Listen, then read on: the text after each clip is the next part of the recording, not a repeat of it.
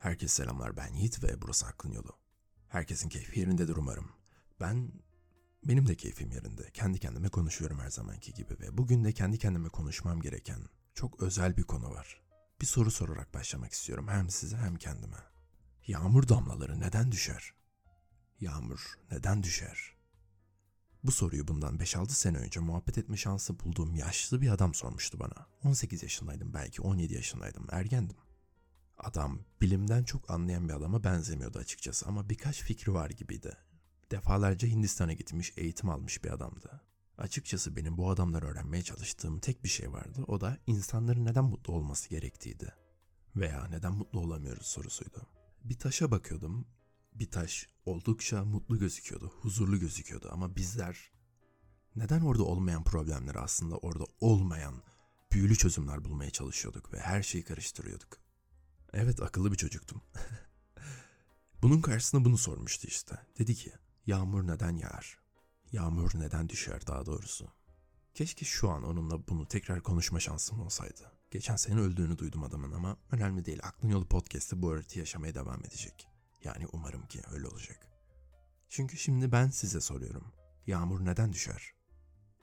Yer çekimi. Değil mi? Çok düşünmeye gerek yok. Ben de böyle demiştim ve keyfim oldukça yerindeydi bu cevabı verirken çünkü okula görmüştüm. Ardından adam şunu sordu. Peki ateş neden yukarı çıkar? Bilmiyordum. neden? Ateş neden yukarı çıkar? Eminim aranızda bunu bilimsel olarak açıklayabilecek kadar YouTube videosu izlemiş birileri vardır ama ben bilmiyordum. Hala da bilmiyorum. Yağmur aşağı düşer evet çünkü yer çekimi. Peki ateş neden yukarı çıkar? Bilim, fizik, E eşittir mc kare formüller, ısınan hava yukarı çıkar ama neden? O da tam olarak bilmiyordu aslında biliyor musunuz? Dilerseniz bu soru şimdilik bir askıda kalsın ve adamın sorduğu diğer soruya geçelim. Su nerede son bulur? Ki bu da saçma bir soru. Suyun gittiği yer yoktur. Son bulduğu yer yoktur. Bir döngüdür çünkü değil mi?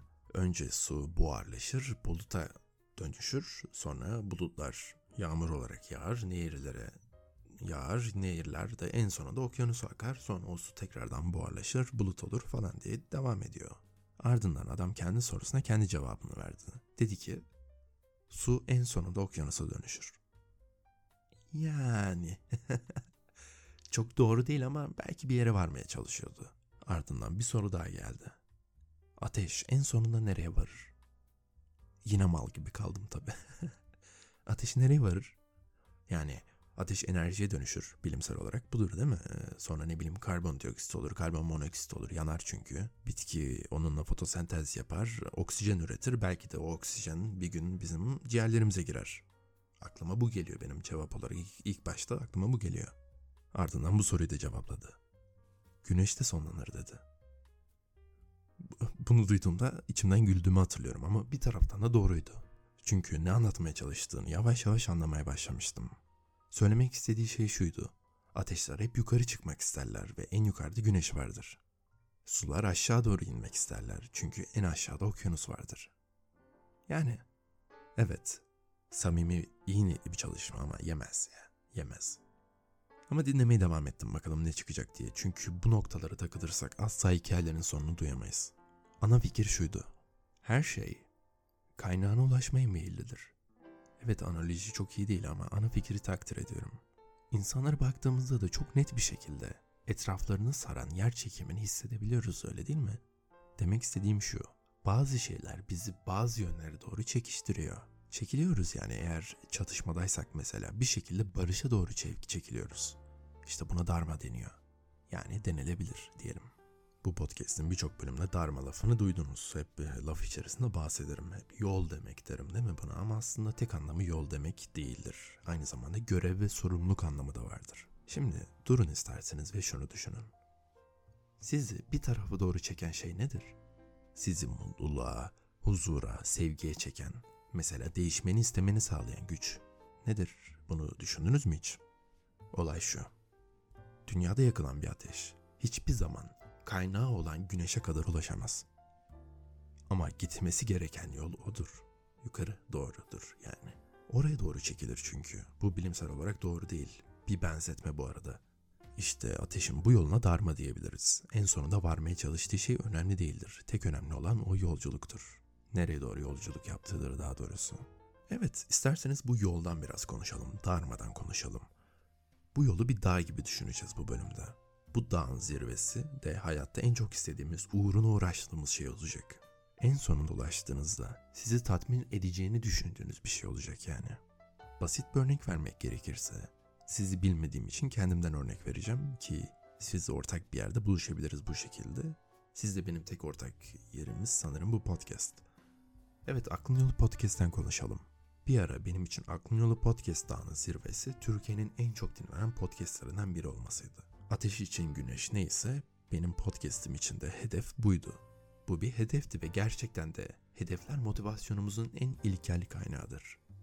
Bizim bir dağa çıkma zahmetine katlanmamızı sağlayan şey kendimizi o dağın zirvesinde hayal etmemizdir. İşte tam olarak burada tatminin doğasına giriyoruz. The excitement of fulfillment comes from the goals demişler. Yani tatminin heyecanı hedeflerden gelir. Özellikle de gençlerde. Öyle değil mi? Gençler kendilerine bir hedef koyarlar. Bunu olmak istiyorum, şunu yapmak istiyorum, bunu öğrenmek istiyorum, başarmak istiyorum. Çünkü gençlerde ana motivasyon kaynağı yaşadığı ilklerdir. Öyle değil mi? Mesela ilk erkek arkadaş, ilk kız arkadaş, ilk seks.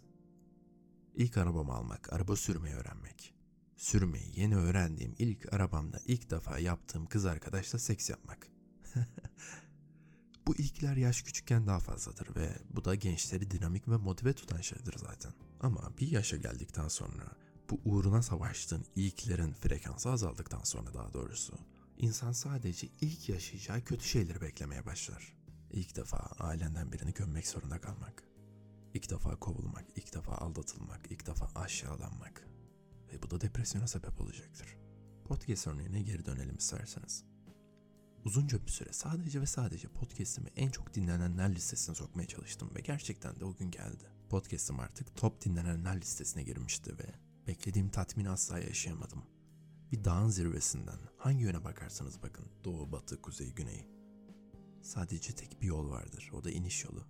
İşte bunu fark ettiğimde aklın yolunda olan bakışım tamamıyla değişti. Daha çok keyif almaya başladım, daha çok öğrenmeye ve öğretmeye başladım. Daha samimi içerikler üretmeye başladım.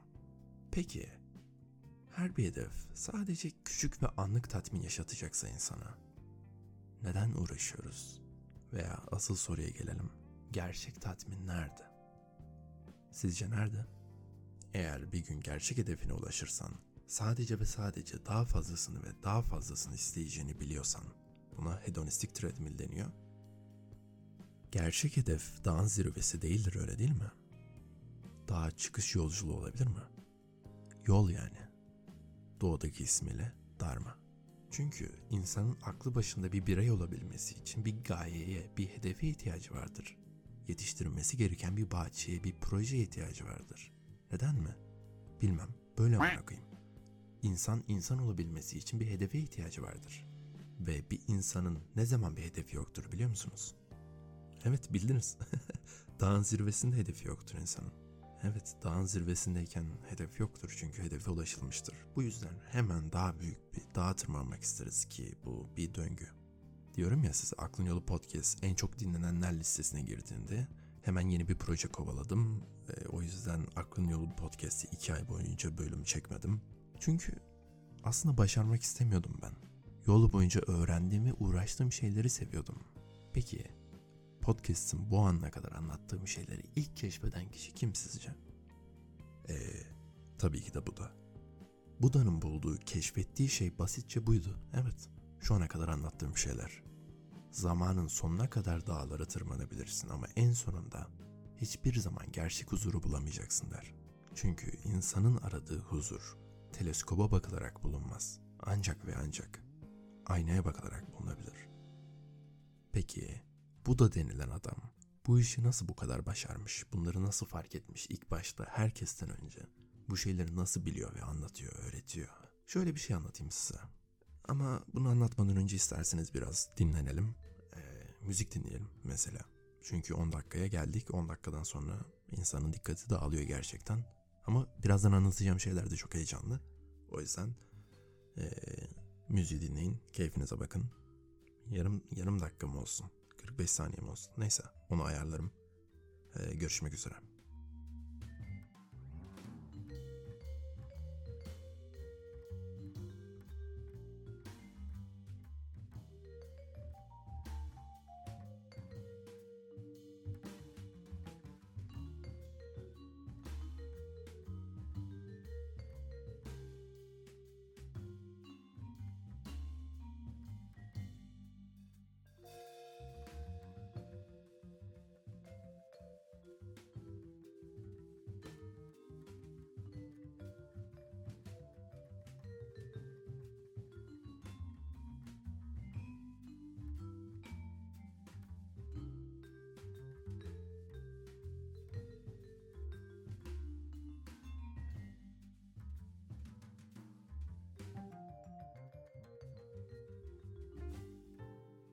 Biliyorsunuzdur belki Hindistan'da dört tane ana insan klası vardır. İnsanlar seviyelerine göre ayrılırlar. En üstte, en güçlü seviyede Brahmanlar yer alır. Ki bunlar rahiplerdir. İnsanlara evrenin işleyişini ee, ve meditasyonun sırlarını anlatırlar. Bütün gün meditasyon yaparlar ve öğretirler. Toplumun en üstünde yer alırlar dediğim gibi. Brahmanların hemen altında Kshatriyas yani asiller yer alır. Mesela krallar, lordlar, ve bunların hemen altında Vaishyas vardır ve bunlar da tüccarlardır, çiftçilerdir. Ve onların da hemen altında Shudras yani işçi kesim vardır. Peki, size bir soru yöneltmek istiyorum. Bu dört insan klasının, toplum klasının hangisinden daha çok aydınlanmış insan çıkıyordur sizce? Muhtemelen Brahmanlar öyle değil mi? Çünkü meditasyonun ustaları onlar zaten. Krallara meditasyonu öğreten kişiler, günün 24 saatini aydınlanma yoluna adamış kişiler. Peki, Gerçekten doğru cevap bu mu? Tabii ki de değil. Sorduğuma göre değil değil mi? En çok aydınlanmış insan çıkartan e, klas şatriyalarmış. Yani asiller. Peki bu neden olur sizce? Buna din çerçevesinden bakmayalım. Daha çok tarihi hatta antropolojik olarak bakalım. Dünyada iz bırakmış ve arkasından insanların onu takip etmesini sağlayan büyük ermiş insanların çoğu zaten asil insanlardan oluşan insanlardır. Düşünün, Brahmansın ve her gün e, dönemin kralının sarayına gidiyorsun. Görevin krala meditasyon öğretmek ve ardından eve geri dönmek. Bu noktada ev tapınak oluyor tabi. Peki neden krallar Brahmanlardan daha önce aydınlanıyor? Çoğu zaman diyelim. Bu işte dağa tırmanmakla ilgili bir şey bence. Çünkü günün sonunda Brahmanların tek yaptığı, tek düşündüğü hayır dağa tırmanmaya çalışmayın. Çünkü gerçek mutluluğu orada bulamayacaksınız demek. Aynı benim bu bölümde anlattıklarım gibi. Bu yüzden Brahmanlar asla dağın zirvesine tırmanmaya çalışmazlar. Ama günün sonunda her gün kralın sarayına gidenler de onlardır. Daha büyük bir ev görüyorlar ne bileyim. E, kralın daha güzel bir karısı var. Daha iyi yemekler yiyorlar. Daha iyi kıyafetler giyiyorlar. Yani zirvede olan kişiler aslında krallar. Bir sabah bir kralın uyanıp kendisini büyük bir çaresizlik içinde bulması her şey olmasına rağmen hala mutlu olmaması kadar öğretici bir şey olamaz öyle değil mi? Sabah kadar Brahmanlar ile meditasyon yapsınlar. Biliyorsunuz Buda da bir prensti. Hem de en zengin, en güçlü prensti. Ama bir gün uyandı ve her şeye sahip olmasına rağmen yine mutsuz hissediyordu kendini. Aydınlanma süreci de böyle başladı zaten. Bakın, bizim dünyaya bakışımız genel olarak batı odaklı, batı felsefesi ve mantıksallık üzerine bunu anlıyorum. Ben de bu dünyada yaşıyorum. Ben de aynı olasılıklarla var oluyorum. Her zaman arzulayacak yeni bir şey var. Psikiyatride insanlar psikiyatra veya psikoloğa neden gider? Bariz bir şekilde ızdıraplardan kurtulmak için yani bir nevi daha az depresif olmak için, anksiyete hissetmemek için falan. Ki bu batı felsefesinde evet oldukça böyledir. Kötü bir noktadaysan oradan kaçıp daha iyi bir noktaya gelmeye çalışırız. Mantıklı olan da budur zaten ama Batı'da biraz daha farklı işliyor olaylar. Buda'ya göre iki tane şey üzerine kuruluyuz. Biri ızdırap, diğeri de ölüm. Ve her zaman söylediğim gibi ızdıraplardan kaçmaya çalışmak. Her zaman yeni ızdıraplara yol açacaktır. Bu oyun oynamak gibi. Ben çok oyun oynamayı seven birisiyim bu arada. Bunu dürüstçe bir söylüyorum. ızdıraplardan kaçmak için ben oyun oynuyorum. Bu da her zaman farklı sorunlar ve yeni ızdıraplar yaratıyor. Size söz veriyorum böyle oluyor oyun oynayıp görmenize gerek yok. İşte Buda da diyor ki ızdıraplardan korunmanın yolu ızdıraplardan kaçmak değildir. Darmayı kovalamaktır. Dharma yolundan gitmektir. Ki bu da bizim durumumuzda dağa çıkma aşamasıdır. İşini ve sorumluluklarını yapmak mesela. Kendinden daha büyük bir bir şeyin parçası olup onun gerektirdiği görevleri yaparsan, sorumluluklarına göre yaşarsan bunun getirisi sonsuz olacaktır. Ki birçoğunuz zaten bu fikre aşina olacaktır. Depresyonun en büyük çıkışı birçok dinlediğim terapiste göre, okuduğum terapiste göre Dharma'nın peşinden gitmektir. Uğraşmak, tırmanmak, ne derseniz deyin. İnsanlar kendinden büyük bir şeyin parçası olunca kendi içlerindeki süper insanı açığa çıkartabiliyorlarmış. Tarihe baktığımızda da göreceksiniz bunu. Adolf Hitler yavşağına bakın mesela. Birinci Dünya Savaşı'ndan sonra bok çukuruna dönmüş Almanya'yı İkinci Dünya Savaşı'na kadar herkesin korktuğu, tüm tarihi değiştirecek bir ülkeye nasıl çevirmiş mesela öyle değil mi? Çünkü sadece kendine değil çok daha büyük bir amaca hizmet ediyormuş. Peki, gerçekten soruyorum. İnsan darmasını nasıl bulacak? Tamam gidelim darmamıza bakayım ama darmamız neresi? Nedir? Darma nedir? Benim darmam neresidir mesela? Bunun için şöyle bir tavsiyem olabilir. Bir kağıt alın elinize ve o kağıda gerçekten tüm sorumluluklarınızı yazın. İşin ne? Gerçek görevin ne? Bu dünyada yaşamanın anlamı nedir mesela? Çok komplike bir şey olması da gerekmiyor. Akşam çöpü çıkartarak ailene yardım ediyorsan bu bile yeterli aslında. Öncelikle şunu yazmakla başlayabilirsiniz. Benim hayatım, benim yaşamım, benim varlığım kimin hayatı için gerekli? Gençseniz yazacak bir şey olmayacaktır buna ama iyi bir başlangıç gibi. Amaç bulmanın diğer bir yöntemi de tecrübe etmektir bazı şeyleri.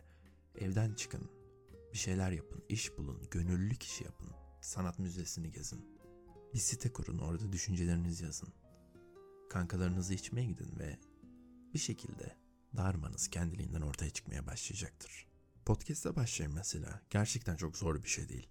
Telefonun kulaklığıyla hmm, çok basit bir şekilde halledebilirsiniz. Kimse dinlemesin önemli değil ama başlayın. Resim çizin. Köpek alın bir tane. Her sabah gezdirin onu. Mesela kankalarınla masada bir şeyler içerken de bunu sorabilirsin kendine. Sık sık hatırlatın. Benim bir sorumluluğum, bir görevim var mı?